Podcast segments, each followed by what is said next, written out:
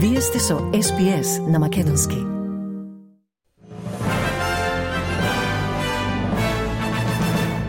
Стотици волонтери излегува на улиците за да го започнат првиот ден од официјалната кампања за или против домородниот глас до парламентот.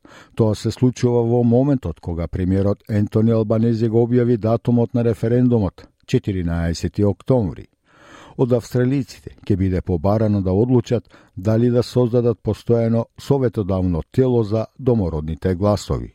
Директорот на кампањата Yes 23 или Да 23 Дим Паркин вели дека возбудата за референдумот се зголемува. Well, obviously, yesterday, uh, a very momentous day in this campaign for constitutional recognition through the voice seeing the Prime Minister announce the date, giving us that October 14 date, very much sets the nation on the pathway to the referendum. We've already been out there campaigning as the Yes campaign, and as you can see today, uh, going from Adelaide to Hornsby train station today, having further conversations with voters on the ground. A tremendous vibe out here. Сеопфатни информации за референдумот можете да најдете ако го посетите порталот SBS Voice Referendum на www.sbs.com.au коса црта Voice Referendum.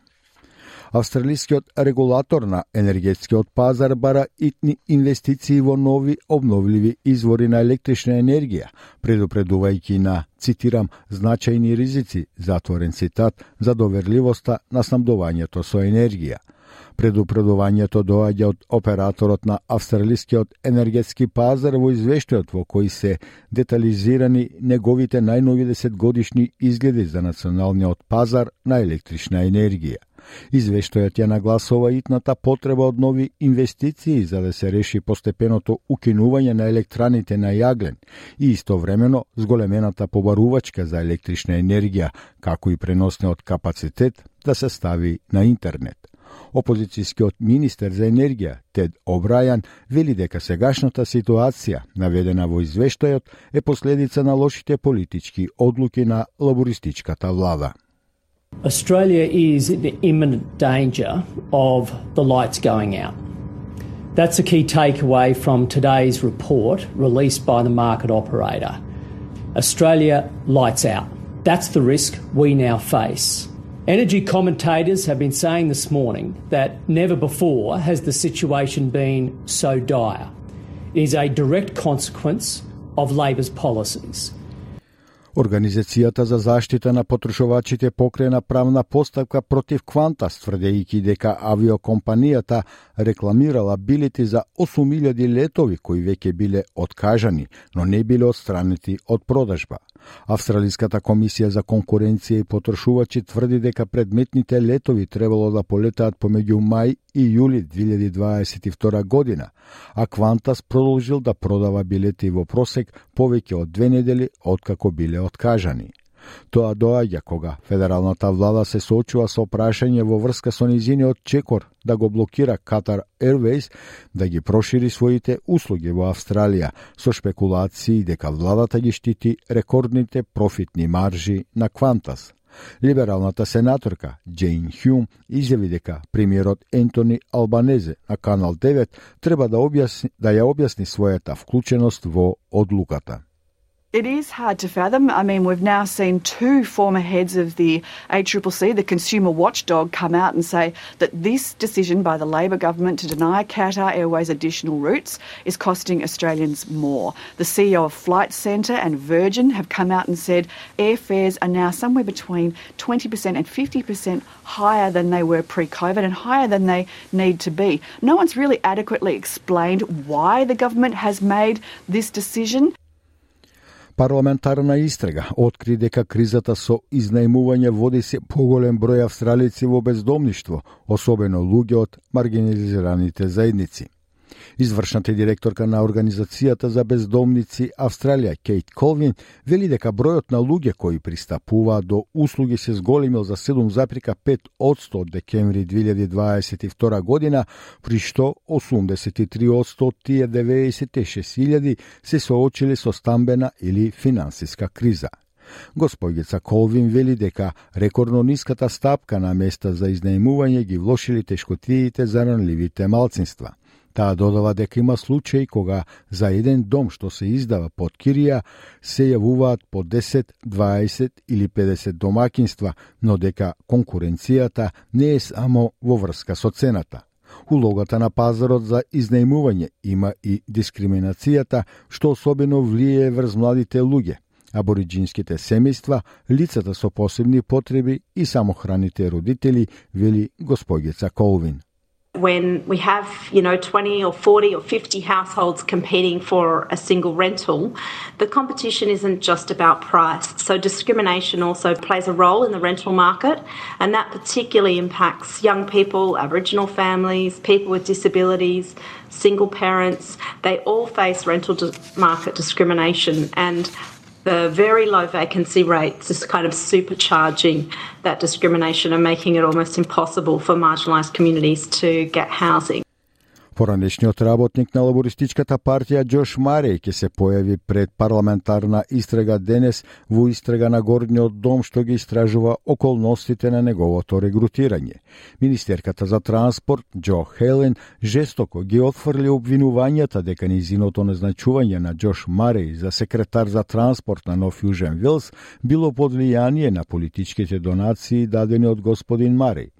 Документите поднесени во парламентот откриваат дека господја Хелен била свесна за најмалку две донации дадени за незината кампања, 500 долари од господин Маре и 250 долари од неговата сопруга, кога го назначила господин Мареј на позицијата.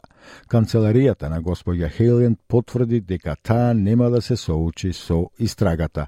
Поранешниот благајник Мет Кин вели дека ова одбивање да се појави пред истрагата е лицемерно.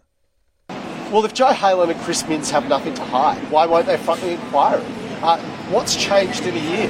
Last year, they were calling on coalition ministers to front inquiries to address issues. So, what's changed? Why have they changed their position? If they've got nothing to hide, then they should turn up and answer the questions the public has every right to know. Министерката за надворешни работи на Канада, Мелани Жоли, која вчера беше во посета на Македонија, се сретна со државниот врв, вели дека неизината земја останува силен поддржувач на напредокот на Македонија кон Европската Унија. Таа тоа го потврди и на пресконференција. Тврсто веруваме дека иднината на Северна Македонија е во ЕУ и можете да сметате на нашата подршка. Би сакала да ве охрабрам да ги продолжите вашите напори да пристапите кон Европската Унија и Северна Македонија е одлучна и способна Премиерот Димитар Ковачевски го потенцирал и значењето на бројната македонска заедница во Канада како значаен дел од богатиот канадски мозаик на култури и народи и која дава значаен придонес во градењето и зајакнувањето на Канада. По оваа средба премиерот Ковачевски осварил и телефонски разговор со премиерот на Канада Джастин Трудо а толпа луѓе излегува на улиците во Либервил, главниот град на Габон, за да го прослават војниот удар против председателот на Габон. Али Бонго дојде на власт во 2009 година, по смртта на неговиот татко кој владееше со земјата 41 година и имаше широко незадоволство од неговото владење. Армијата го приведе председателот Бонго во неговата резиденција и соопшти дека уапсила еден од неговите синови за предаство. Овој човек, Макс Бени, вели дека го слави она што тој го нарекува ослободување на Габон. It's the liberation of an entire country, something I've dreamed about, which is now a reality for us Gabonese. We are proud and very happy that the army has decided to stand up for justice and we give glory in God for that. In Gabon, there is a God, and this God has answered our prayers. Се прогнозираат поплави низ Ѓорџија и Каролина во сад по ураганот Идалија. Повеќе од 450 луѓе се без струја во Флорида и Ѓорџија.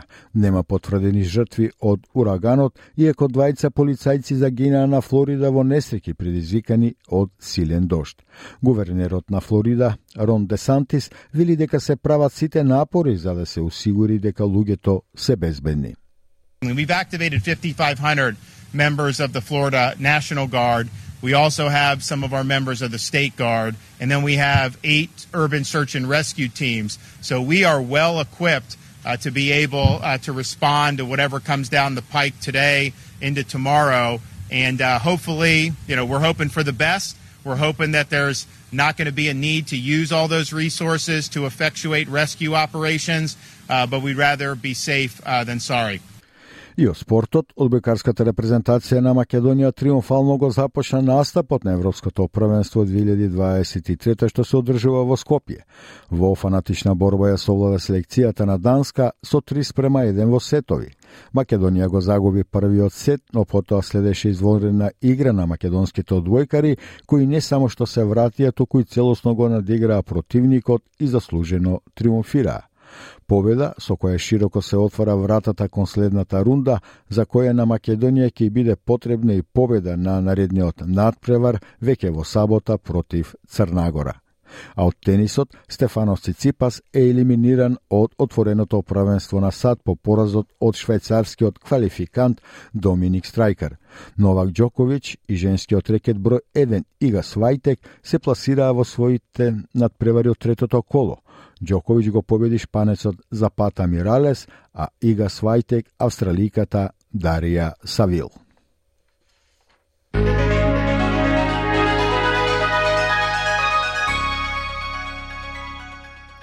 А од најновата курсна листа, денес еден австралијски долар се менува за 0,59 евра, 0,64 американски долари, 36,33 македонски денари, додека еден американски долар се менува за 56,10 македонски денари, а 1 евро за 61,14 македонски денари.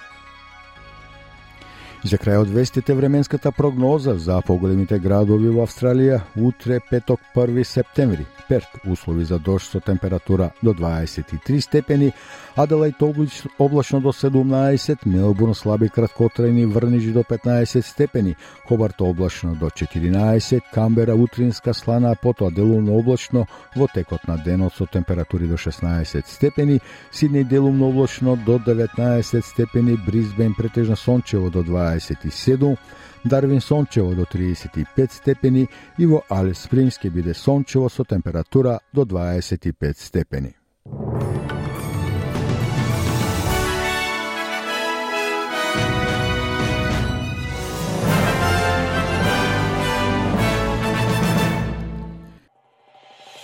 Сакате ли да чуете повеќе прилози како овој?